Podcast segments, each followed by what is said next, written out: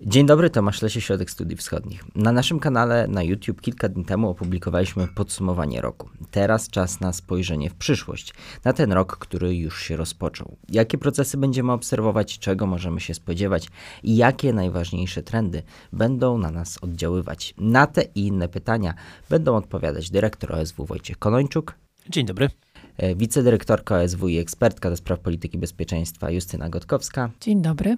Oraz Jakub Jakubowski, wicedyrektor ośrodka i ekspert od spraw Chin. Dzień dobry Państwu. To jest podcast Ośrodka Studiów Wschodnich. Czy ten rok będzie mijał pod znakiem ukraińskich problemów? Bo już widzimy pewne procesy. W momencie, w którym nagrywamy ten podcast na Ukrainie, toczy się duża dyskusja chociażby o mobilizacji związana z tym, że jak rozumiem są pewne problemy, więc Ukraińcy chcą coś naprawić. Widzimy też jeszcze konflikty wewnętrzne, które gdzieś się pojawiają. Mówimy o powrocie polityki na Ukrainę. Czy ten rok właśnie będzie trochę pod tym znakiem, pod znakiem ukraińskich problemów i różnych y, procesów, które już się rozpoczęły wcześniej? To zależy z, z jakiej perspektywy. Jeśli patrzymy sobie na na to, jak my, Polska i my, wschodnia flanka NATO, patrzymy na sprawy ukraińskie, to z całą pewnością jest to dla nas jedna z najważniejszych, jeśli nie najważniejsza e, procesy czy wojna, konflikt wpływający na nasze bezpieczeństwo. Ale gdybyśmy się przenieśli trochę bardziej na zachód, to, to z całą pewnością nie. Dlatego, że Niemcy mają inne zmartwienia, to nie jest dla nich temat, który jest kluczowy. Oni mają kwestie gospodarcze, stabilności finansowej, kwestie migracji, kwestie rekordowo niskich wskaźników poparcia kanclerza Scholza. I wysokich AFD. I wysokich AFD. Z kolei za oceanem elity amerykańskie, społeczeństwo przygotowują się do wyborów, które ma szansę wygrać Donald Trump. Mamy problem z kolei podobny jak w przypadku generalnie Niemiec i Europy, to znaczy kwestie migracji przez granicę meksykańską w tym przypadku. Więc temat wojny rosyjsko-ukraińskiej jest tematem pewnie ważnym w, w, polityce amerykańskiej, ale z całą pewnością nie jest to temat najważniejszy. Więc jeśli się cofniemy i popatrzymy na naszą perspektywę, to tak, dlatego że nasze bezpieczeństwo jest zależne od wyniku tej wojny. Gdyby się okazało, że Ukraina tę wojnę prze, przegrywa i jeśli by się okazało, że Rosjanie zdobywają kolejne terytoria ukraińskie, no to oczywiście nasze bezpieczeństwo będzie jeszcze w większych tarapatach. Myślę też, że sytuacja będzie uzależniona od tego, czy będą, jak szybko będą może bardziej w tą stronę. Te dwa wielkie pakiety pomocy unijne za 50 miliardów euro i amerykańskie za 60 miliardów dolarów. Ten drugi jest wręcz ważniejszy, dlatego że to jest pakiet wsparcia wojskowego, którego Ukraina bardzo potrzebuje, bo Stany Zjednoczone są najważniejszym wspierającym wojskowo państwo ukraińskie. Ale pytanie wsparcia... brzmi kiedy czy czy? Moim zdaniem pytanie brzmi jak szybko. To nie jest pytanie czy, tylko pytanie jak szybko się to wydarzy.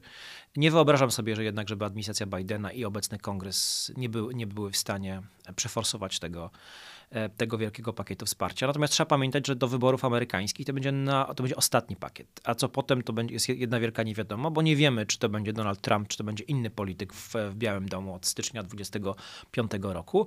Nie wiemy, jeśli to będzie Donald Trump, to nie wiemy, jaka będzie jego polityka. To jest polityk, jak wiadomo, mało przewidywalny, więc Ukraińcy też się liczą z tym, że, że to może być dla nich trudny rok, aczkolwiek przy założeniu tym, tych pomyślnych dwóch e, założeniach, że mamy pakiet wsparcia finansowego unijnego, i mamy pakiet wsparcia amerykańskiego, to by oznaczało, że najbliższe kilka miesięcy Ukraina, przez najbliższe kilka miesięcy Ukraina powinna sobie poradzić. Gdybyśmy wzięli jednak ten najgorszy scenariusz, czyli nie ma pakietu wsparcia wojskowego, no to oczywiście sytuacja będzie dla Ukrainy i dla wszystkich nas na wschodniej flance i w ogóle w NATO znacznie, znacznie trudniejsza. Czyli jednak cały czas nacisk kładziemy na to, zewnętrzne, co się może wydarzyć w kontekście Ukrainy, czyli na dostawy broni. A co z tymi problemami wewnętrznymi na Ukrainie? Czy one jakkolwiek są, będą czymś decydującym, czymś istotnym, chociażby problemy z mobilizacją i ewentualne cała sprawa wokół mobilizacji? Tak jak powiedziałeś, na Ukrainę już jakiś czas temu wróciła polityka, więc sytuacja już w 2023 roku była zupełnie inna niż w 2022, kiedy jednak polityki jako takiej nie było, kiedy społeczeństwo było zorganizowane, skupione i skoncentrowane i zdeterminowane. I to się akurat nie zmieniło, natomiast nie było krytyki prezydenta Zeleńskiego i obozu władzy. Ta krytyka zaczęła się gdzieś około wiosny, ona tak naprawdę narasta, aczkolwiek społeczeństwo zdaje sobie sprawę z tego, że mimo tego, że nie ma wielkiej miłości do Zeleńskiego dzisiaj, to zresztą jest często dla osób, które podróżują, także dla dziennikarzy zagranicznych, które podróżują na, na Ukrainę, to jest odkrycie, że Zeleński, ta ikona, prawda, gdzieś tam wolności, globalna ikona, że podejście jego zwykłych, do, do niego, do Zełenskiego, zwykłych Ukraińców jest inne i znacznie bardziej krytyczne, nie mówiąc o wojskowych. Ale wydaje mi się, że jednak e, Ukraińcy rozumieją, że sytuacja jest dla nich egzystencjalna i nie ma za bardzo alternatywy. I też proszę zwrócić uwagę, że na pytanie, czy powinny być zorganizowane w 2024 roku wybory prezydenckie, które zgodnie z konstytucją powinny być zorganizowane. Ukraińcy mówią nie. Pewne interpretacje prawa dają możliwość Zełenskiemu niezorganizowania tych wyborów, chociaż to tak naprawdę zależy od jego woli. On może to, może to zrobić, ale, ale nie musi tego zrobić. Społeczeństwo mówi lepiej nie organizować wyborów w okresie wojny. I moim zdaniem to jest też e, pewne, pewien objaw zrozumienia przez społeczeństwo ukraińskie, w jak trudnej sytuacji jest ich państwo. Więc mimo tego, że mamy politykę, to nie sądzę, że, żeby mogło dojść do jakichś głębokich wstrząsów wewnętrznych, które by wpłynęły na przebieg wojny niekorzystny dla Ukrainy. I Inna sprawa, gdyby obóz Zełęńskiego zdecydował się na jakieś porozumienie czyli de facto ustępstwa wobec Rosji, na co się nie zapowiada. Myślę, że to bardzo kategoryczne, kategorycznie Zełęński jego ludzie stawiają sprawę, że nie będzie żadnych e, porozumień z Rosji. Co więcej, prawo przyjęte przez Radę Najwyższą jeszcze w 2022 roku mu tego zabrania. Zabrania mu negocjowania z Putinem.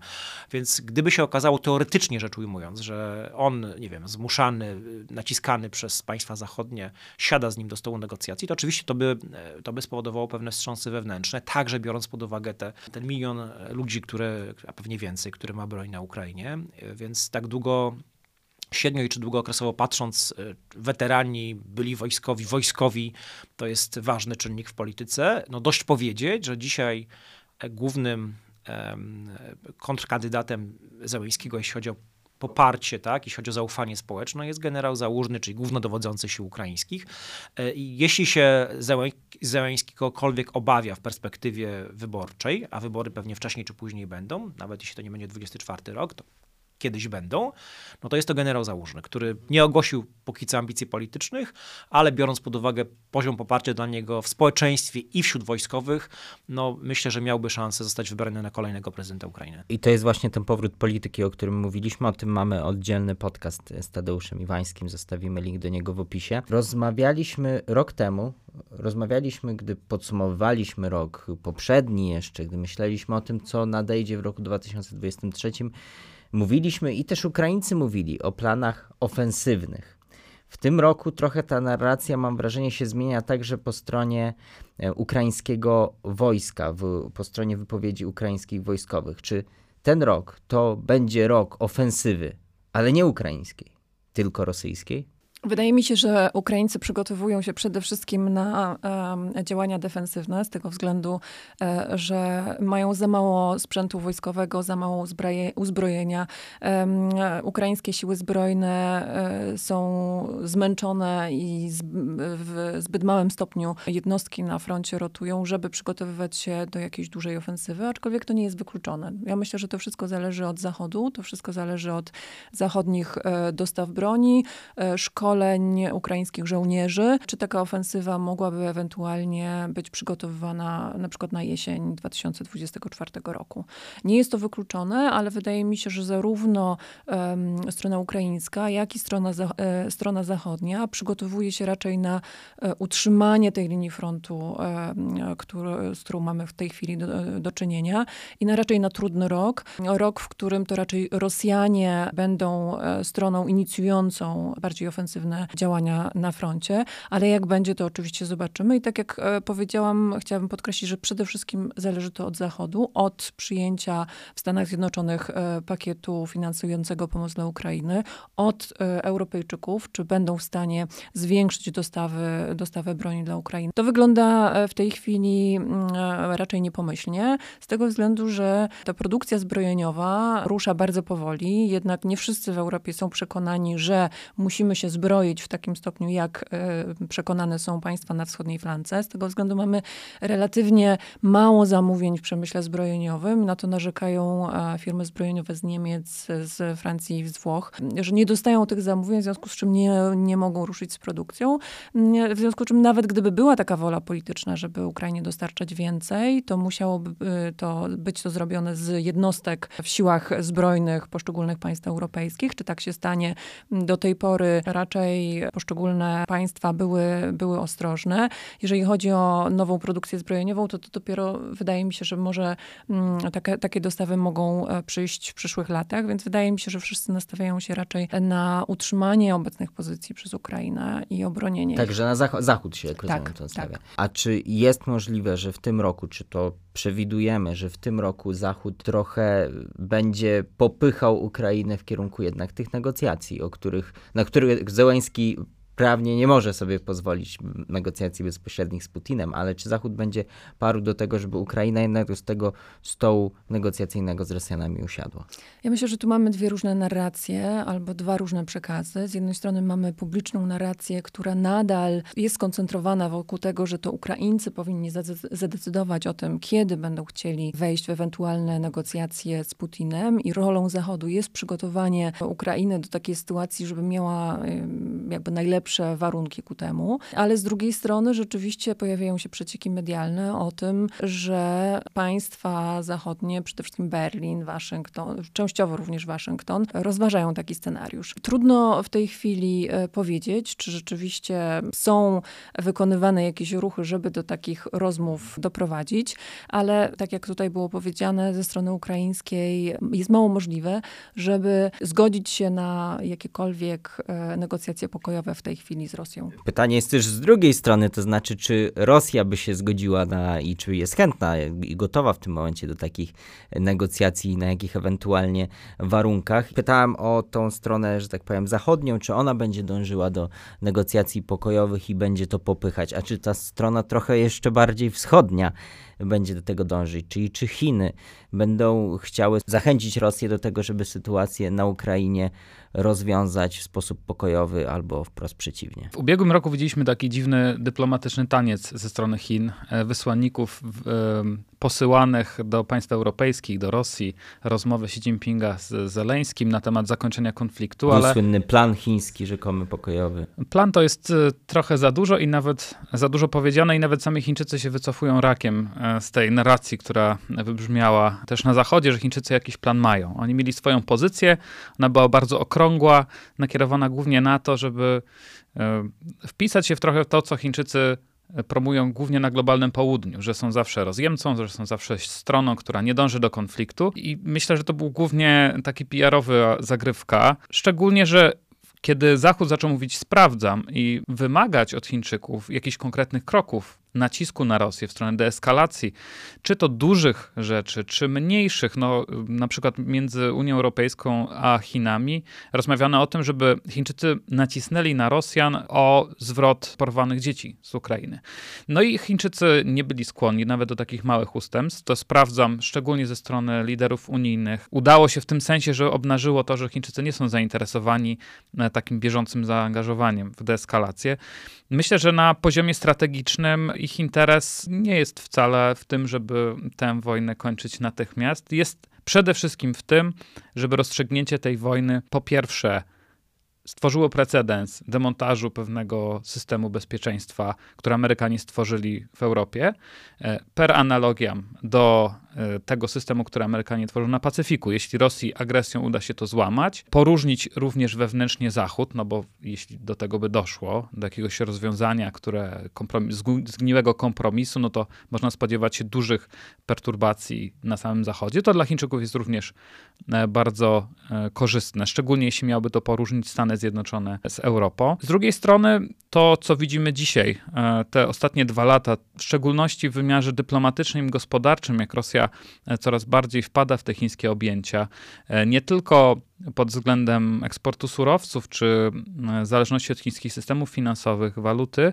ale również dyplomatycznie, bo e, Władimir Putin dzisiaj spotyka się z globalnymi liderami w Pekinie na szczycie pasa i szlaku, w miejscu e, na takiej platformie dyplomatycznej, którą reżyserują Chińczycy i bardzo powoli uzyskują wpływ na Putina.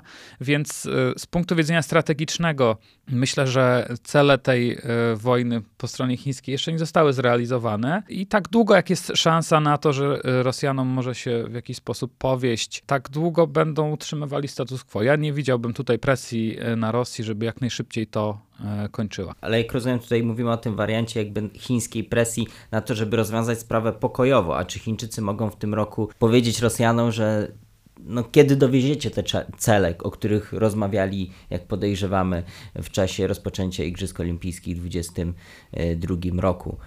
Czy mogą Chiny właśnie wprost przeciwnie zachęcać do Rosję do bardziej zdecydowanych działań? Te ostatnie dwa lata to było spore rozczarowanie e, tym, jakim, jakiego rodzaju partnerem dla Chińczyków może być Rosja. Myślę, że Chińczycy e, mieli dużo większe oczekiwania i e, uważali Rosję za dużo bardziej sprawnego gracza. Tak zresztą Rosjanie Wojskowo. Się, wojskowo, dyplomatycznie Rosjanie próbując redukować tę asymetrię, którą widzieli w relacjach z Pekinem, reklamowali się jako ten bardziej doświadczony gracz, gracz o dużo lepszej, zreformowanej armii, który umie toczyć konflikty, e, umie wywoływać podziały na Zachodzie, umie, umie używać presji ekonomicznej do przymuszania Zachodów, szczególnie Europy, do określonych działań. No i z tego punktu widzenia Rosjanie zagrali wysoko e, i e, no, jak wiemy, potoczyły się to zupełnie inaczej. Myślę, że z punktu widzenia Chińczyków również takie oczekiwania, y, które Chińczycy mieli, że będą mieli tego głównego partnera do przebudowy ładu globalnego, one mm, zawiodły. Natomiast Chińczycy, myślę, dosyć szybko zaadaptowali się do tej nowej sytuacji, co jest dla nas istotne. Nie odwrócili się od Rosji, chociaż mieli taką możliwość. Takim kluczowym momentem był Kongres Komunistycznej Partii Chin w 2022 roku, kilka miesięcy po y, rozpoczęciu wojny, gdzie Xi Jinping już w trzeciej kadencji mógł powiedzieć, że jednak osuwamy się od Rosji, nie wspieramy tego. Jednak tego nie zrobił. Co więcej, e, postawił jeszcze silniej na Putina jako gwaranta e, stabilności w Rosji. I myślę, że ten taki nieokreślony charakter tej wojny dzisiaj. Tutaj Rosjanie powoli coraz bardziej wpadają w te chińskie objęcia, e, a z drugiej strony Zachód, szczególnie Stany Zjednoczone, są w wojnę w Europie uwikłane. To są takie mętne wody, w którym Chińczykom bardzo łatwo e, łowić i myślę, że nie będą tutaj dążyć do jakichś radykalnych przewartościowań. Jeśli by doszło do negocjacji, to pewnie chcieliby wesprzeć Rosję i pewnie chcieliby się do, tej, do tego stołu w jakiś sposób dostać, ale nie sądzę, żeby ten stół teraz nakrywali. Wydaje mi się, że podstawowym pytaniem e, jest to, czy Rosja chce e, w tej chwili negocjacji pokojowych. E, a wydaje się, że w tej chwili Rosja czuje, że Zachód słabnie, że Zachód jest coraz bardziej podzielony, że Zachód chciałby zakończyć tę wojnę jak najszybciej. Rosja stawia na wygraną Donalda Trumpa, i, a wszyscy znamy obawy z tym związane. I Rosja czuje się silna i czuje, że może wygrać e, tę wojnę, w związku z czym raczej nie jest zainteresowana wejściem w negocjacje pokojowe, które by zamroziły tę linię frontu, ponieważ uważa, że może, że w ten sposób Ukraina mogłaby e, za pomocą Zachodu w dłuższej perspektywie odbudować swoje zdolności. Ale niewykluczone jest, że Rosja może wysyłać sygnały wskazujące na to, że jest gotowa do wejścia w negocjacje pokojowe, tak żeby podzielić Zachód, żeby sprawić, że e, to zachodnie wsparcie, przede wszystkim militarne, dla Ukrainy zostało wstrzymane ze względu na toczące się negocjacje pokojowe, ale wydaje się, że to będzie raczej e, tylko pozorowane działanie, a nie e, prawdziwe negocjacje i wyjście w stronę Ukrainy i Zachodu. Kontynuując ten wątek, to jest tak, że my znamy warunki Rosji dla rozpoczęcia negocjacji. Rosjanie mówią jas bardzo jasno od wielu miesięcy. To znaczy, niech, się, niech, niech Ukraina zaakceptuje zmiany terytorialne, niech Ukraina wycofa się z terytoriów rosyjskich, czyli te obwody, część obwodu hersońskiego między innymi. Niech Ukraina się zneutralizuje, znaczy zrezygnuje z e, członkostwa, w, dążenia do członkostwa w NATO. Niech Ukraina się zdenazyfikuje, czyli niech na Ukrainie dojdzie do, e, do zmiany rządu i niech się Ukraina rozbroi na tych zasadach Rosja jest w stanie usiąść do stołu negocjacji z Ukrainą negocjować. Co oznacza? Oznacza to kapitulację oczywiście jednostronną ze strony ukraińskiej, więc to są warunki, E, które są e, kompletnie nie do zaakceptowania dla, dla Załęskiego, dla społeczeństwa ukraińskiego i tak naprawdę dla każdego rządu ukraińskiego. To jest oczywiste. Więc to też pokazuje, że na tym etapie Rosjanie nie są zainteresowani realnymi negocjacjami, licząc na to, że te wszystkie słabości ukraińskie i zachodnie, o których mówiliśmy, suma summarum i pewna konsekwencja po stronie rosyjskiej, pewna, pewne przekonanie, że Rosja ma więcej czasu, doprowadzą do rosyjskiego sukcesu. Ale myślę też, trochę e, znowu zbaczając na Zachód, że głównym problemem jest to, że Zachód nie wierzy, że Ukraina jest w stanie tę wojnę wygrać. I Zachód, tutaj mam na myśli nie cały Zachód, bo Polska też jest częścią Zachodu, czy Bałtowie, ale myślę tutaj o tych dwóch najważniejszych państwach, które Ukrainę politycznie, militarnie, finansowo wspierają, czyli o Stanach Zjednoczonych i o, Niem o Niemczech. E, ani elity rządzące w Waszyngtonie, ani elity rządzące w Berlinie nie wierzą w to, że Ukraina jest w stanie tę wojnę wygrać. Więc A przy chcą, takim, żeby wygrać? Żeby no to jest właśnie pytanie o narrację. Czy, czy mówią bardziej, że Ukraina nie powinna tej wojny wygrać, czy Ukraina e, nie powinna tej wojny przegrać, czy, czy też Ukraina powinna tą wojnę e, wygrać i odnieść zwycięstwo. Więc tutaj Rosjanie to oczywiście um, czytają świetnie i, i zdają sobie sprawę z tego, że ta pewne samoograniczanie się Zachodu, tak, jeśli chodzi o dostarczanie tego, czego armia ukraińska ukraińska potrzebuje. Myślę, że te, te ostatnie ataki ukraińskie, bezprecedensowe na, na rosyjskie miasto Białgorod, e, które spowodowały duże niezadowolenie na Zachodzie. E, to jest z punktu widzenia tych najważniejszych stolic zachodnich pewne przekroczenie czerwonych linii przez stronę ukraińską. E, Ukraińcy moim zdaniem bardzo słusznie próbują przynosić wojnę na terytorium rosyjskim, rosyjskie i to dawno trzeba było robić. To, że Ukraińcy tego nie robili, jeśli nie liczyć jakichś tam dywersyjnych grup, prawda, czy, czy ładunków wybuchowych, gdzie wybuchały fabryki zbrojeniowe, czy, czy różne obiekty wojskowe, natomiast nie atakowali rosyjskich miast. Czy to będzie dalej kontynuowane, czy to jest jakiś nowy element strategii, czy pojedynczy wypadek? Myślę, że od ataku na Białgorod rozdzwoniły się telefony w, w Kijowie, w biurze, w biurze Załęskiego z zachodu, mówiące, co wy robicie. To jest coś, czego my nie akceptujemy, y, więc zobaczymy, w jakim stopniu Ukraińcy będą e, chcieli to przyjąć i zrezygnować z tego typu ataków. Natomiast podnoszenie Putinowi kosztów prowadzenia wojny przez. E, to, to jest raczej pogłębianie w, w społeczeństwie rosyjskim takiego przekonania, że to Rosja się broni, bo NATO jest de facto agresorem, a nie odwrotnie. To znaczy nie, nie, że Rosja jest napadła na Ukrainę, więc tu się nagle okazuje, że bomby czy rakiety ukraińskie spadają na, na rosyjskie miasta, na budynki cywilne,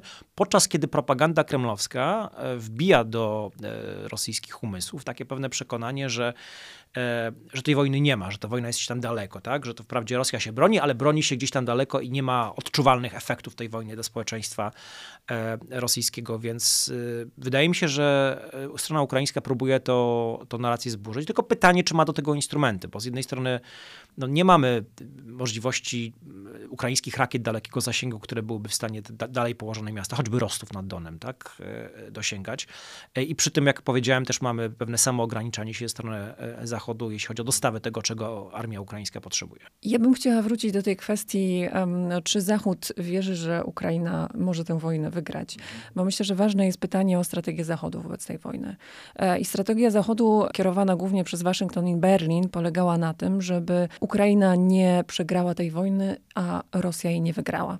Czyli żeby doprowadzić do sytuacji, kiedy Rosja, Putin zrozumie, że mm, Zachód będzie na tyle długo e, wspierał Ukrainę, że e, Rosja tej wojny nie wygra po prostu i będzie musiała wejść w negocjacje pokojowe, które Ukraina, owszem, będą kosztowały koncesje terytorialne, ale nic ponadto i wtedy możemy się zastanowić, czy taka Ukraina terytorialnie okrojona, może wejść do e, Unii Europejskiej i może stać się członkiem NATO. I w związku z tym mamy tę całą strategię od dwóch lat ograniczonego wsparcia Zachodu, związaną z tym, że Zachód boi się rozlania tej wojny na NATO, boi się eskalacji nuklearnej, na którą Stany Zjednoczone musiałyby w jakiś sposób odpowiedzieć, a tym samym e, stałyby się czynną stroną te, tej wojny i tego konfliktu, czego Waszyngton stara się ze wszelkich miar e, uniknąć.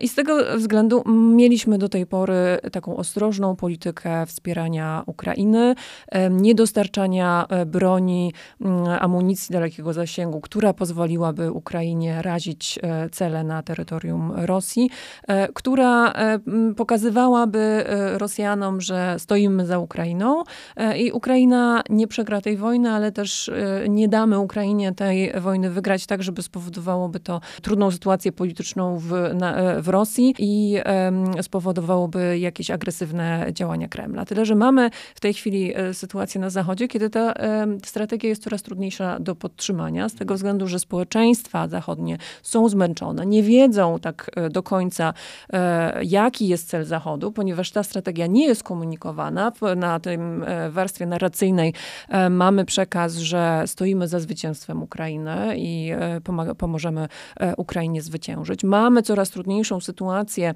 w Stanach Stanach Zjednoczonych przedwyborczą, gdzie republikanie kwestionują długotrwałą pomoc dla Ukrainy. Mamy podobną sytuację w Niemczech.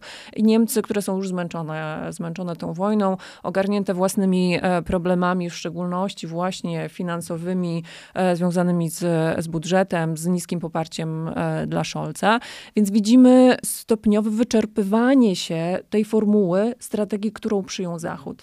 Pytanie jest, czy Waszyngton i czy Berlin i czy inne stolice na Zachodzie zrozumieją, że taki pomysł na strategię zachodnią na Ukrainie się wyczerpał, że Rosja widzi nasze słabości i Rosja nie odpuści, ponieważ ma maksymalistyczne cele.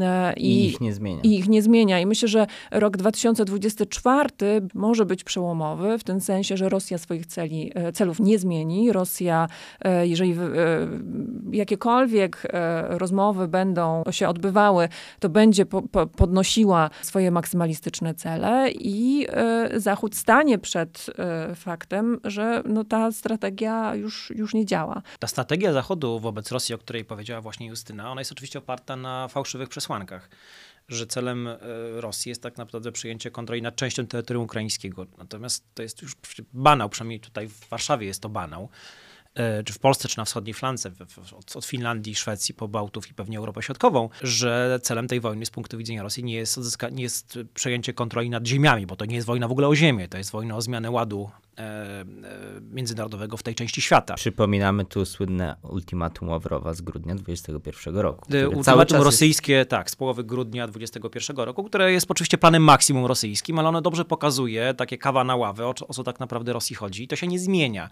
I to jest coś, czego Zachód w swojej beztrosce nie jest w stanie zrozumieć, że to w ogóle nie chodzi o Ukrainę, tylko Ukraina jest częścią większej układanki. I dopóki mam wrażenie, nie stanie się jakiś wstrząs, który wpłynie bezpośrednio na w większym stopniu niż w ciągu ostatnich dwóch lat na interesy Zachodu, dopóty nie ma mowy o tym, żeby Zachód zrewidował swoje podejście. Być może też zmiana polityczna w Berlinie, gdzie mamy jednak kanclerza Scholza, który to on i jego otoczenie wpływa na tą e, główne, główną linię polityczną e, Niemiec. E, no i zobaczymy, co, co będzie w, za niecały rok w Waszyngtonie. Jest go dwa grosze z Dalekiego Wschodu. Ja uważam, że Chiny absolutnie rozumieją, że ta wojna, że stawką tej wojny jest zmiana ładu bezpieczeństwa w Europie. Chińczycy, kiedy przyjeżdżają do Warszawy, E, to pytają, jak widzimy przyszłość porządku europejskiego. Nie pytają o to, czy e, obwód hersoński e, będzie w granicach Ukrainy, ponieważ są świadomi tej stawki. Wiedzą, Rosjanie, o czym jest ta wojna. Rosjanie im to jasno komunikują, zresztą oni patrzą na cykl różnych konfliktów, które dzisiaj wybuchają na świecie, jako element szerszego procesu rozpadu ładu amerykańskiego, który generalnie, jeśli będzie kontrolowany sposób ten proces się odbywał i postępował, jest dla nich bardzo korzystny. I ja kończąc ten wątek, chciałabym podkreślić, że e, duża część Zachodu, w szczególności państwa nie wschodniej flanki, nie do końca rozumieją, e, jaka jest stawka tej wojny. Nadal traktują ją jako regionalny konflikt. E, wojna o Donbas. Wojna o Donbas, wojna o neutralność Ukrainy, tak? Wojna o to, czy Ukraina stanie się członkiem NATO, czy nie. Wojna o część o wschodnią część e, Ukrainy i z tego względu tak popularne są nawoływania o to, żeby zakończyć tą wojnę, żeby rzeczywiście Ukraina e, oddała część e, terytoriów Rosji i żeby zawrzeć pokój. Nie ma zrozumienia często dlatego, że stawka jest o wiele wyższa. Jeżeli pozwolimy Rosji, czy, czy jeżeli nie zrozumiemy tego, to Rosja pójdzie dalej i Rosja nie tylko nie, nie zadowoli się Ukrainą, ale może również w bliższej lub dalszej przyszłości rozpocząć agresywne działania wobec państw wschodniej flanki, e, żeby podważyć e, NATO i Unię Europejską. Cały czas gdzieś z tyłu głowy mamy wybory w Stanach. One w listopadzie już tego roku ale chciałem zapytać nawet nie tyle o to, jaki będzie ich wynik, bo to oczywisty, oczywiście jest bardzo trudno przewidzieć i zależy to od bardzo wielu czynników, ale chciałem zapytać o samą kampanię wyborczą. Czy już sama kampania może wpłynąć na politykę amerykańską względem, może najpierw zapytam o, o wojnę na Ukrainie. My chyba już to widzimy, e, z tego względu, że e, ten pakiet wsparcia dla Ukrainy e, pierwotnie miał zostać przyjęty pod koniec sierpnia to, że jego przyjęcie jest przedłużane, wiąże się nie, oczywiście z tą garstką republikanów w Izbie Reprezentantów, która blokuje przyjęcie tego pakietu, ale jest związane z szerszą kampanią wyborczą i z popularnością wśród republikańskiego elektoratu i takim przekazem wychodzącym ze strony, ze strony Trumpa o tym, że Stany Zjednoczone e, powinny zakończyć e, wsparcie dla Ukrainy, że ta wojna jest za długa i że interesy Stanów Zjednoczonych są gdzie, leżą gdzie indziej. E, I to wszystko zaostrza sytuację w kongresie i zaostrza dyskusje dotyczące przyjęcia pakietu dla Ukrainy. I zobaczymy, jak te sprawy się potoczą, czy ten pakiet zostanie przyjęty w takiej wysokości, jak, jaka została zaproponowana przez Biały Dom, jak długo potrwają dyskusje nad jego przyjęciem, ale sam fakt, że już pół, prawie pół roku kongres debatuje nad tym, e, pokazuje, że kampania wyborcza ma wpływ na e, e, amerykańskie wsparcie dla Ukrainy. A czy dobrze to definiuje, że im bardziej będzie pewne, prawdopodobne, że Donald Trump będzie najpierw kandydatem republikanów na prezydenta, a potem, że będzie miał realne szanse wygrać Joe Bidenem, tym bardziej ta polityka i opór, zwłaszcza republikanów wobec dostaw broni na Ukrainę, będzie rósł? Wydaje mi się, że w interesie e, Ukrainy jest to, żeby ten pakiet został przyjęty jak, jak najszybciej. Z tego względu, że im dalej w kampanię wyborczą, tym trudniej będzie wynegocjować jakiś kompromis. I już w tej chwili widzimy, że kwestie wsparcia dla Ukrainy są łączone z innymi kwestiami. Negocjacjami nad całym budżetem, nad kwestiami granicy, południowej granicy Stanów Zjednoczonych. Wchodzi szereg innych kwestii, kontrowersyjnie dyskutowanych pomiędzy demokratami a republikanami, które utrudniają znalezienie jakiegoś kompromisu. Im dalej w, w kampanii wyborczą, dalej w ten rok, tym trudniej e, można, będzie znaleźć jakieś rozwiązanie. Przerzucamy się na drugą e, stronę globu i zapytam o to, jak ta kampania wyborcza w Stanach, to co się dzieje w tym momencie, to też spore jednak prawdopodobieństwo, że nowym prezydentem, nowym starym będzie e, Donald Trump. Jak to odbierają Chińczycy i czy w tym kontekście należy rozpatrywać ostatnie rozmowy na szczycie amerykańsko-chińskie, bezprecedensowe w ujęciu ostatnich miesięcy, jeszcze tych poprzednich? Tak, mówimy tu o szczycie w San Francisco i bezpośrednich rozmów, rozmowach między Xi Jinpingiem i Joe Bidenem, ale szerzej między ekipą Bidena i ekipą Xi Jinpinga, e, a także biznesem. Rzeczywiście to był taki moment wygaszenia takiej, albo inaczej, e, Amerykanie o tym mówią jako wyznaczenie takich pewnych ram zabezpieczających tę relację, zabezpieczających je na okres kampanii wyborczej. E, I myślę, że tak e, na to patrzą również Chińczycy.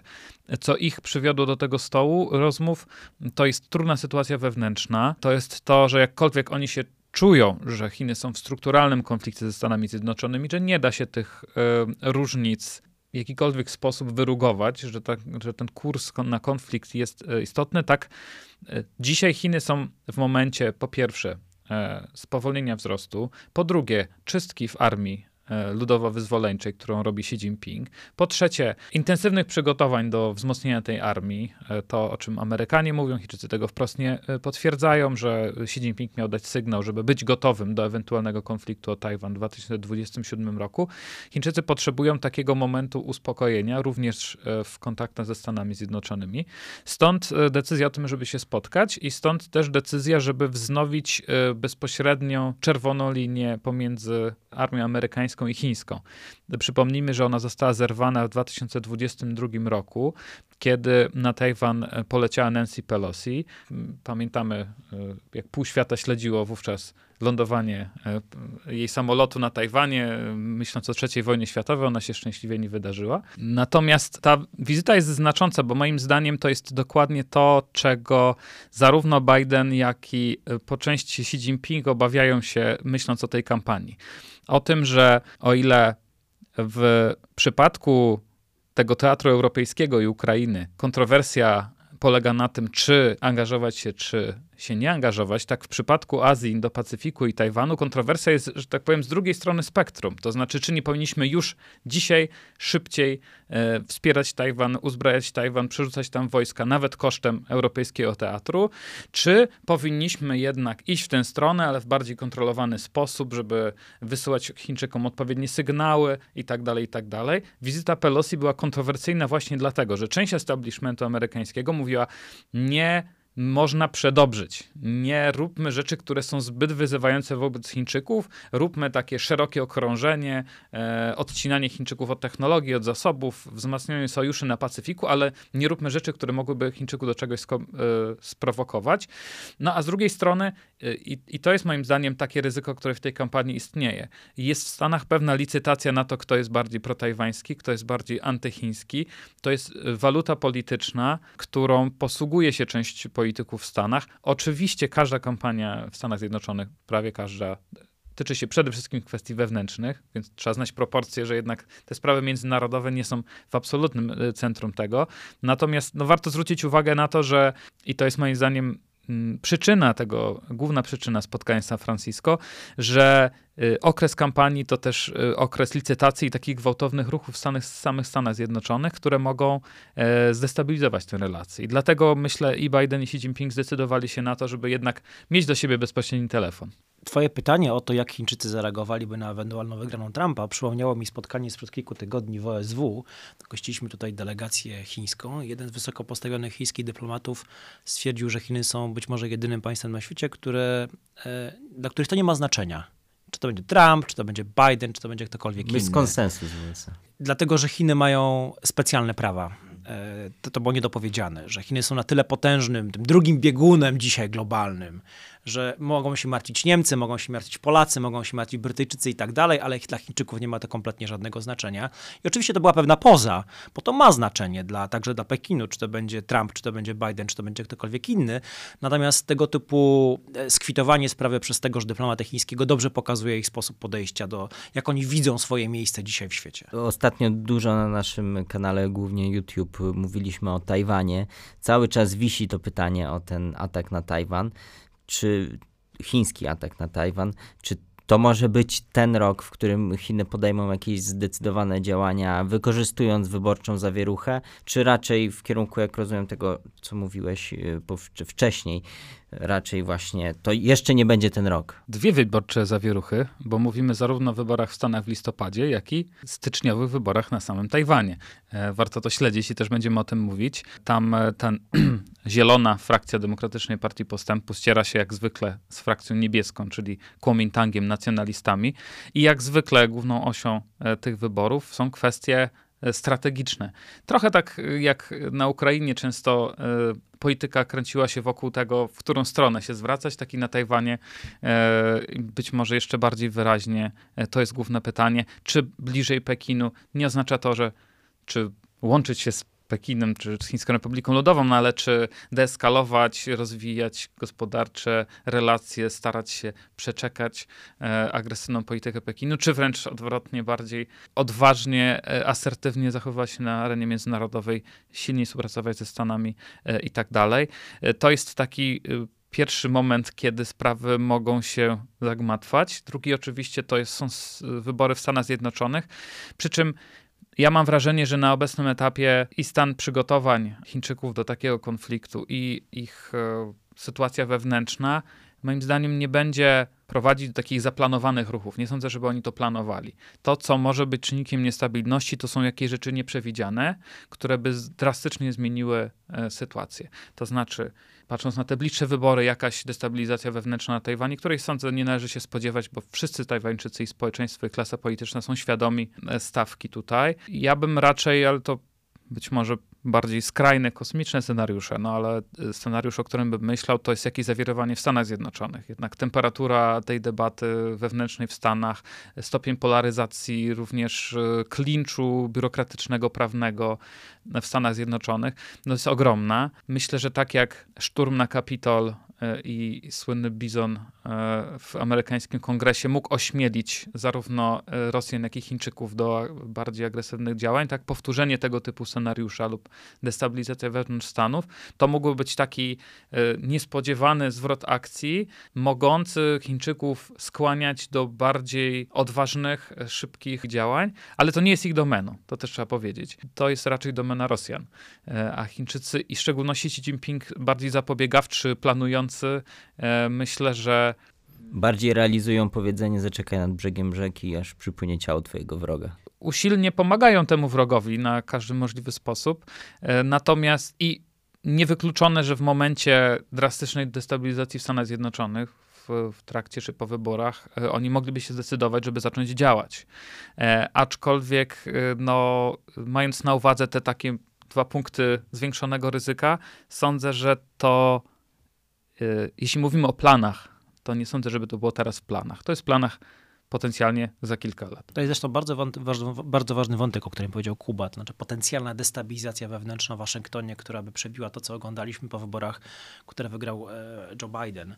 Gdyby się okazało na przykład, że kolejne stany wykluczają możliwość startu Trumpa w tych prawyborach, a, to już przecież obserwujemy, tak? Zdaje się, że w Colorado między innymi, no to by pogłębiało pewną niestabilność wewnętrzną. Natomiast gdyby część, czy gdyby wynik wyborczy został zakwestionowany przez jedną ze stron, tak, i gdyby to po, po, pociągnęło za sobą no, skupienie się Stanów Zjednoczonych na sobie samym przez jakiś tam dłuższy czas, no to oczywiście jest to ten e, moment, kiedy, który Rosjanie z całą pewnością wykorzystają. I to nie tylko na Ukrainie, ale myślę też, że to by pociągnęło za sobą pewne niebezpieczeństwo działań rosyjskich także, czy prowokacyjnych, czy jakichkolwiek innych, skierowanych przeciwko państwom natowskim. Więc myślę, że to jest pewne zagrożenie, które, o którym musimy pamiętać, które biorąc pod uwagę pewną logikę długiej wojny, w którą wszedł Putin, bo dla niego to jest logika długiej wojny, nie tylko wojny o Ukrainę, jak już mówiliśmy, to jest coś, to jest wyjątkowo niebezpiecznym scenariuszem dla, dla Polski, dla wschodniej flanki, generalnie dla, dla Europy. Ale też zobaczmy przy okazji, że to nam pokazuje, że bezpieczeństwo Europy wisi na Stanach Zjednoczonych. To znaczy bez wsparcia amerykańskiego dla Ukrainy, tego głównego wspierającego państwo ukraińskie, sytuacja dzisiaj sił ukraińskich byłaby, pewnie, pewnie ta wojna mogła być już po wojnie, tak? A przynajmniej front, linia frontu byłaby gdzie indziej. Więc mamy do czynienia z pewnym graczem pozaeuropejskim, który jest kluczowym graczem w, w bezpieczeństwie europejskim i długo nim jeszcze pozostanie. Gdyby się okazało, że tego gracza z jakiegoś powodu nie ma albo jest zmuszony, żeby zmniejszyć swoje zaangażowanie, no to wszyscy mamy kłopot. A czy są jakieś szanse na to, że w tym roku nastąpi jakaś intensyfikacja, też w związku z tym, o czym tutaj rozmawiamy, w europejskiej polityce bezpieczeństwa? Czy Europa może jakkolwiek zastąpić Stany w tej ich aktualnej roli? Wydaje mi się, że oczywiście mamy takie dyskusje w mediach europejskich. W grudniu czy pod koniec tego roku mieliśmy dyskusję o europejskim odstraszaniu nuklearnym, o europejskiej czy niemieckiej bombie atomowej, w związku z tym, że Stany Zjednoczone mogłyby e, wycofać się e, z NATO i e, wycofać swój parasol bezpieczeństwa nie tylko w wymiarze konwencjonalnym, ale też w wymiarze nuklearnym z Europy. Ale wydaje mi się, że w tej chwili te dyskusje nie pociągają realnych działań. Te działania e, przygotowujące się na negatywne scenariusze podejmują przede wszystkim państwa wschodniej flanki. Polska, państwa bałtyckie, e, częściowo nawet e, państwa Grupy Wyszehradzkiej, Rumunia oraz państwa nordyckie. Tutaj widzimy rzeczywiste zaniepokojenie sytuacją bezpieczeństwa, sytuacją międzynarodową. Jest zrozumienie dlatego, że znajdujemy się w, w takim momencie historycznym, w którym Rosja Rosja chciałaby podważyć e, obowiązujące sojusze, strukturę, architekturę bezpieczeństwa w Europie i że to może zdarzyć się w następnych latach i być skorelowane z tym, co e, Chińczycy robią, e, czy zrobią na Indo-Pacyfiku. Nie ma dlatego zrozumienia w Europie Zachodniej nadal, w dużej części klasy politycznej, a przy, przynajmniej w tej części klasy politycznej, która w tej chwili jest u władzy, w szczególności w Niemczech. Mamy oczywiście zaniepokojenie zagrożenie rosyjską inwazją na Ukrainie, które spowodowało pewien wzrost wydatków na obronność, działania zmierzające do modernizacji i do reformy sił zbrojnych, działania zmierzające do e, oczywiście wsparcia dla Ukrainy, ale też pewnego e, powolnego zwiększania produkcji, czy to amunicji, czy uzbrojenia i sprzętu wojskowego, ale to jest nieporównywalne z, z tym, z czym mamy do czynienia e, na wschodniej flance NATO. Z tego względu wydaje mi się, że nadal mentalnie Europa Zachodnia nie jest przygotowana na świat, który nadchodzi, świat konfrontacji i świat, w którym brutalna siła może zadecydować o, o naszej przyszłości. Paradoksalnie, moim zdaniem, wygrana Trumpa w Stanach Zjednoczonych, ale tylko to, a nie kontynuacja Joe Bidena, może faktycznie obudzić Europejczyków i sprawić, że będą wydawać więcej na obronność, bo e, panicznie będą się e, bali wycofania Stanów Zjednoczonych e, z NATO, bo wiedzą, że sojusz czy bezpieczeństwo europejskie nadal polega na Amerykanach, a przyszły ewentualny prezydent Donald Trump będzie wymagał nie tylko 2% PKB na obronność, ale również więcej. I wtedy te dyskusje zaczną się na poważnie, ale w tej chwili państwa zachodnie, Niemcy, Francja, inne są na tyle zajęte swoimi e, e, sprawami wewnętrznymi, nie, z sytuacją polityczną, gospodarczą, finansową, kwestiami migracyjnymi,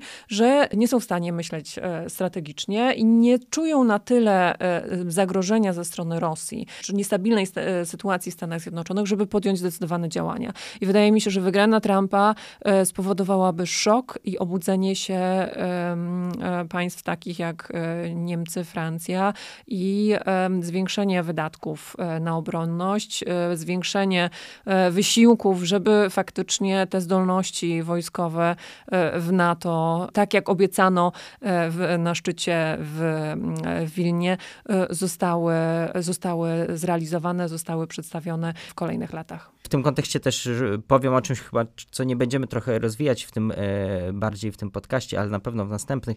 Rok 24 to rok wyborów landowych, zresztą jak wiele poprzednich w Niemczech, ale te są ważne, bo to są wybory w trzech landach.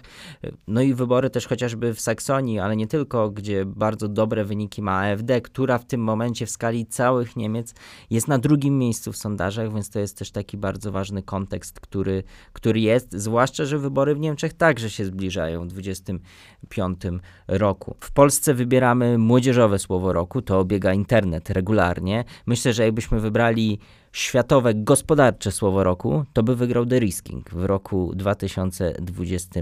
2023. Czy rok 24 to również znowu tym słowem roku gospodarczym będzie The Risking i ta strategia będzie kontynuowana? Może najpierw e, wytłumaczmy e, The Risking, bo... Tak, młodzieżowe słowa roku też często trzeba tłumaczyć, więc... No tak samo jak e, pewne takie narracyjne wielkie zwycięstwa Y, Unii Europejskiej i elit gospodarczych, politycznych, które nie zawsze są zrozumiałe dla y, społeczeństw. De-risking, czyli świadoma redukcja ryzyk gospodarczych wynikających z takiego globalnego splątania handlowo-inwestycyjnego. W praktyce, jeśli chodzi o Unię Europejską, no bo to von, Ursula von der Leyen wprowadziła to, mm, to pojęcie, chodzi o to, żeby w jakiś uporządkowany sposób odplątać na tyle, na ile się da, a na pewno nie całkowicie, unijną gospodarkę od gospodarki chińskiej. Z punktu widzenia e, surowców, które z Chin importujemy, z punktu widzenia e, pieniędzy, które w Chinach zarabiamy, z punktu widzenia technologii, którymi się e, z Chinami e, współdzielimy. Natomiast za chwilę wrócę do tego, co się dzieje w Unii, ale chciałbym powiedzieć jeszcze, że de-risking nie dotyczy tylko i wyłącznie Unii Europejskiej. To jest tlen, trend absolutnie globalny i są inni gracze, którzy jeszcze szybciej go wdrażają, tylko czasami inaczej go nazywają. Myślę, że warto powiedzieć o Chińczykach, którzy uprawiają de-risking już od dawna, znacznie wcześniej niż e, Zachód, e, a dzisiaj przyspieszają. Mm, nastawienie na bezpieczeństwo gospodarcze to jest dzisiaj główny cel Xi Jinpinga, którym jest podporządkowywane takie kwestie jak wzrost PKB, jak zagraniczni inwestorzy, ich przyciąganie, jak regulacje różnych rynków w samych Chinach. Uzyskanie takiej odrębności e, technologicznej, e, czy w wymiarze łańcuchów dostaw, czy w wymiarze żywności, czy w wymiarze energetyki, to jest dzisiaj rzecz, która porządkuje e, chińską gospodarkę. Trend bardzo niepokojący w, na dłuższą metę. Cały trend de-riskingu jest niepokojący, no bo po co rozplątywać tę globalizację, e, po co stawiać bezpieczeństwo w centrum, jeśli nie po to, żeby e, gotować się na scenariusze konfliktu. No taka jest ewidentnie logika chińska. E, taka jest ewidentnie logika Unii Europejskiej czy Stanów Zjednoczonych, które to pojęcie deriskingu ostatnio przechwyciły. Mieliśmy za czasów Trumpa decoupling, czyli rozerwanie, rozłączenie. On miał takie nieprzyjemne dla elit w Waszyngtonie, w Unii konotacje, bo trudno jest przekonać E, globalny biznes, który ostatnie 40 lat poświęcił ogromną energię i pieniądze na to, żeby się z Chinami związać, trudno przekonywać ich do tego, żeby nagle gwałtownie zrywać te powiązania. Derisking ma być takim procesem gradualnym, no i to jest jego e, główny mankament, ponieważ kiedy zaczynamy wprowadzać niuanse co do tempa, co do zakresu, no to zaczynają się gry różnych grup interesu, które jednak nie chcą e, pozbywać się pieniędzy, nie chcą wykładać pieniędzy na to, żeby się e, e, wyplątywać. Myślę, że wracając tutaj do wątku europejskiego, myślę jednak, że bardzo dużo zostało tutaj poczynione i w tym takim europejskim, biurokratycznym języku ginie moim zdaniem wiele procesów, które nie są dostrzegalne na pierwszy rzut oka. Tego, że jeśli uznamy, że działania Komisji Europejskiej to jest taki wspólny mianownik tego, co państwa e, Unii chcą robić, no to jednak zrobiono bardzo dużo. Mamy strategię bezpieczeństwa ekonomicznego, która ma wiele różnych elementów, surowce krytyczne, w tym metale ziem rzadkich, e, technologie, które mają świadczyć o przyszłości konkurencyjności europejskiej gospodarki, technologii podwójnego zastosowania, sprzeciw wobec przymusu ekonomicznego, czyli jeżeli Chińczycy albo kto inny e, zechce szantażować Unię, że Unia ma czegoś nie robić, albo musi coś zrobić, albo zostanie zastosowana sankcje gospodarcze, handlowe, inwestycyjne, no to Unia, mówiąc kolokwialnie, ma narzędzia, żeby się odwinąć i żeby oddać. To, co trzeba powiedzieć, to jest to, że cała ta agenda jest bardzo silnie związana z osobą Ursuli von der Leyen, e, szefowej komisji, która jednak e, prze e, do przodu z, z, tą agendą. To nie jest proces, który się finalnie całkowicie dokonał. Biznesy, szczególnie biznes w Niemczech, największe niemieckie firmy nie są absolutnie do tego przekonane. Wiele państw członkowskich próbuje to niuansować. Stąd bardzo ważne są kwestie związane z wyborami do Europarlamentu i nową Komisją Europejską, która sformuje się w drugiej połowie tego roku.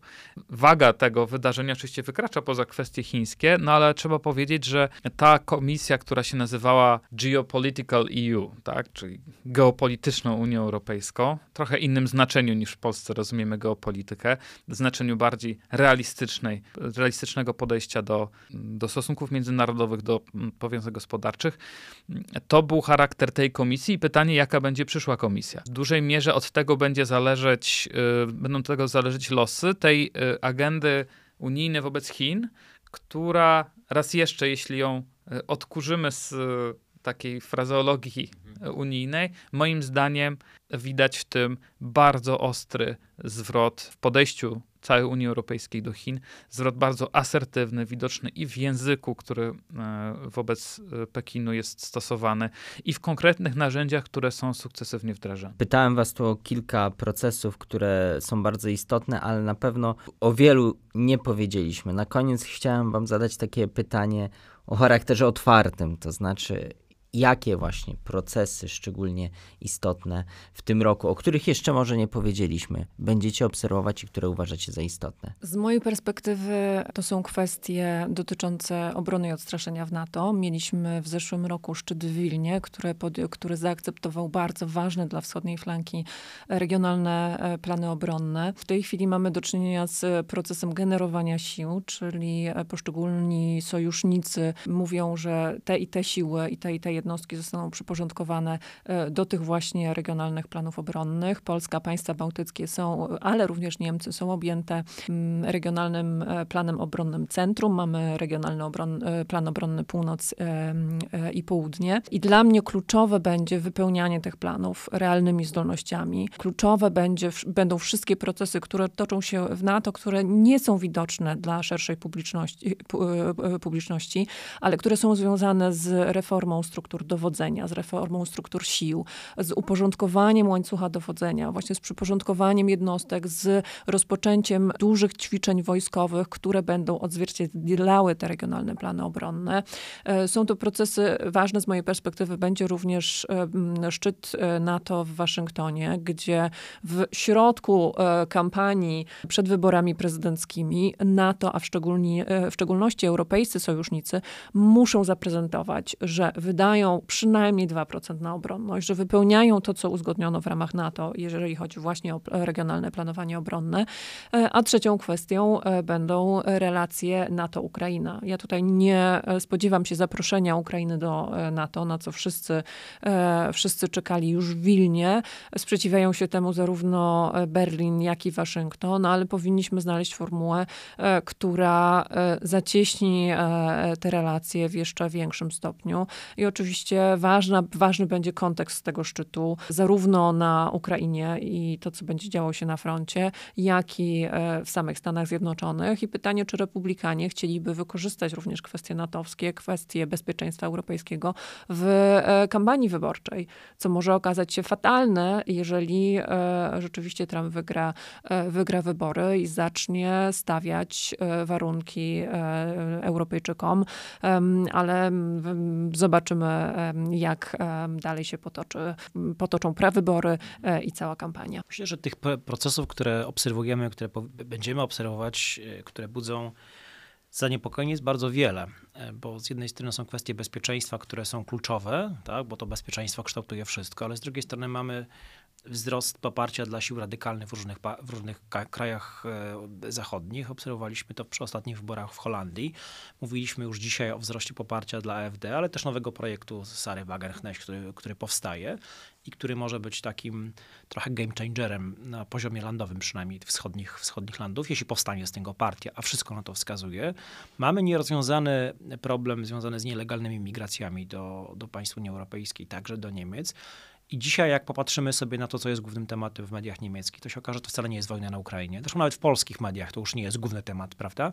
Tylko, tylko, tylko to, co, co orientuje, co skupia uwagę społeczeństwa i koncentruje uwagę partii politycznych, to, są, to jest co zrobić z nielegalną migracją, która w zeszłym, w zeszłym roku to było ponad 300 tysięcy osób, które ubiegają się o azyl w Niemczech. I to jest pewnie problem, który dotyczy bardzo wielu innych krajów. I to jest problem, który bardzo trudno jest y, rozwiązać. Co więcej, dynamika i trendy związane z sytuacją na globalnym południu, w, w szczególności w Afryce, zmianami klimatu, które również są takim prawda, instrumentem, który e, sprawia, że ludzie szukają lepszych, lepszego miejsca do życia, że tego typu trendy i tego typu problemy dla północy świata, one będą narastały. Ja bym do, tej, y, do tego trudnego roku dorzucił jeszcze jeden element, to znaczy kwestie gospodarcze. Po pierwsze, europejskie, a po drugie coś, co moim zdaniem zobaczymy w tym, najpóźniej w przyszłym roku, czyli powrót do wojen handlowych. Presja eksportowa ze strony Chin będzie rosła, ona już rośnie, chińska nadwyżka handlowa rośnie, a wynika to z trajektorii gospodarczej samych Chin. No bo mówiąc w ogromnym skrócie, od czasu kryzysu 2008 roku chińską gospodarkę do przodu ciągnęły inwestycje, budowa miast, mieszkań i infrastruktury. Dzisiaj, ze względu na wiele czynników, Chiny nie mogą iść dalej tą drogą. E, zadłużenie jest zbyt duże. Sam Pekin wie, że trzeba wygaszać ten sektor budowlany, bo po prostu on już nie może dalej rosnąć w tym tempie. Jaka jest recepta na to? Wcale nie wzrost konsumpcji, o czym mówiliśmy od dekad, że Chińczycy muszą zacząć konsumować. Na to z, z wielu powodów Xi Jinping się nie decyduje, a ten ogromny strumień finansowy, który jest skupiony w sektorze bankowym, państwowym w Chinach jest kierowany do przemysłu. Więc co dzisiaj robią Chińczycy? Stymulują PKB, tworząc nowe moce przemysłowe w wielu zaawansowanych albo średnio zaawansowanych technologiach. W technologiach zielonych, energetycznych, w sektorze produkcji samochodów, w którym Chińczycy wyrośli na największego eksportera, największego producenta, szczególnie w kwestii samochodów elektrycznych. Chińczycy już dzisiaj mają moce produkcji samochodów, które mogłyby zaspokoić praktycznie cały globalny popyt na samochody nowe, a te moce jeszcze rosną. I jest to obszar, który w dyskusjach w Unii Europejskiej, nas bardzo silnie dotyczących, chyba dzisiaj dominuje. To znaczy zalanie rynków globalnych przez chińską nadwyżkę eksportową. Chińczycy próbują poprzez eksport raz jeszcze wyciągnąć się z problemów gospodarczych. Problem polega na tym, że Europa jest, mimo tych wszystkich rzeczy, o których już mówiliśmy, e, tego tworzenia instrumentów ochronnych, e, Europa jest re relatywnie najmniej przygotowana, ponieważ Amerykanie mają swoją agendę IRA, Inflation Reduction Act, gdzie w bardzo sprytny sposób wykluczają Chińczyków ze swojego rynku. Indie na przykład e, są chyba najbardziej posunięte w deriskingu od Chin, bo w wielu, wielu obszarach stosują protekcjonizm wobec Chińczyków.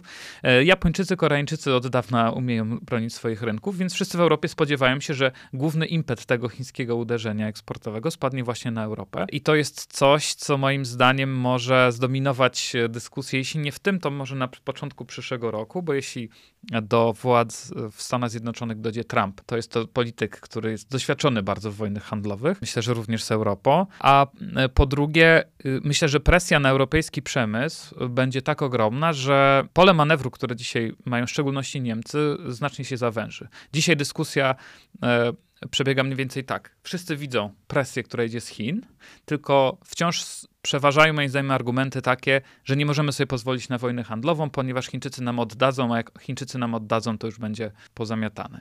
E, natomiast e, z drugiej strony jest świadomość, że Chińczycy zaczynają dominować we wszystkich czy w wielu naprawdę kluczowych dla Europy technologiach, w szczególności w sektorze automotive, w szczególności w sektorze e, samochodowym, który jednak wyciągał Europę z wielu kryzysów. Jeśli te pola zostaną oddane, tak jak choćby fotowoltaika 10 lat temu, to być może nie będzie już czego zbierać w europejskim przemyśle, a za tym może pójść jeszcze więcej niestabilności, jeszcze więcej populizmu e, e, i tak dalej. Wydaje się, że jeszcze jednym ważnym elementem, na który będziemy mieć e, baczenie, będzie proces integracji Ukrainy, Mołdawii, państw Bałkanów Zachodnich z Unią Europejską. Jak wiemy, na ostatnim szczycie w połowie grudnia e, Rada Europejska zgodziła się na rozpoczęcie negocjacji akcesyjnych z Ukrainą i z Mołdawią. I to jest oczywiście, e, biorąc pod uwagę brak oczekiwanych sukcesów na froncie ukraińskich, to jest jeden z tych nielicznych innych, bardzo znaczących sukcesów prezydenta Zeleńskiego, które on próbuje dyskontować w relacji ze swoim społeczeństwem. Natomiast trzeba na to patrzeć też realistycznie, to znaczy mimo tego, że te negocjacje się rozpoczęły, ramy negocjacyjne zostają, zostaną prawdopodobnie w marcu przyjęte, to będzie bardzo długi, bardzo trudny proces. Nie mamy też doświadczenia kraju, który prowadzi tak wielką wojnę, który, który by się jednocześnie integrował z Unią Europejską. Natomiast to jest oczywiście coś, co było pewnie trudne do wyobrażenia dwa lata temu, natomiast jest to też z punktu widzenia Polski, mimo różnych napięć, które proces integracji europejskiej Ukrainy powoduje i będzie powodował, jest to coś, co jest dla Polski i generalnie dla, dla regionu i dla Europy korzystne. Ale znowu, to jest proces, który zajmie, zajmie wiele lat i też oczywiście będzie uzależniony od tego, jak ta wojna się skończy. Słowa, żebyś żył w ciekawych czasach, to właściwie nie jest życzenie, a przekleństwo. No ale niemniej od tego, co sobie życzymy w tym roku, przyszło nam żyć w ciekawych czasach. Więc, żeby je obserwować, zachęcamy, żeby te ciekawe czasy obserwować razem z nami czytając nasze teksty na osw.waw.pl, oglądając filmy na YouTube, a także słuchając podcastów, zapraszamy także do naszego Instagrama, który, który rozwijamy i na który tworzymy treści. Dziękuję za tę rozmowę. Dziękuję bardzo. Dzięki. Dziękuję. Do usłyszenia w kolejnych odcinkach.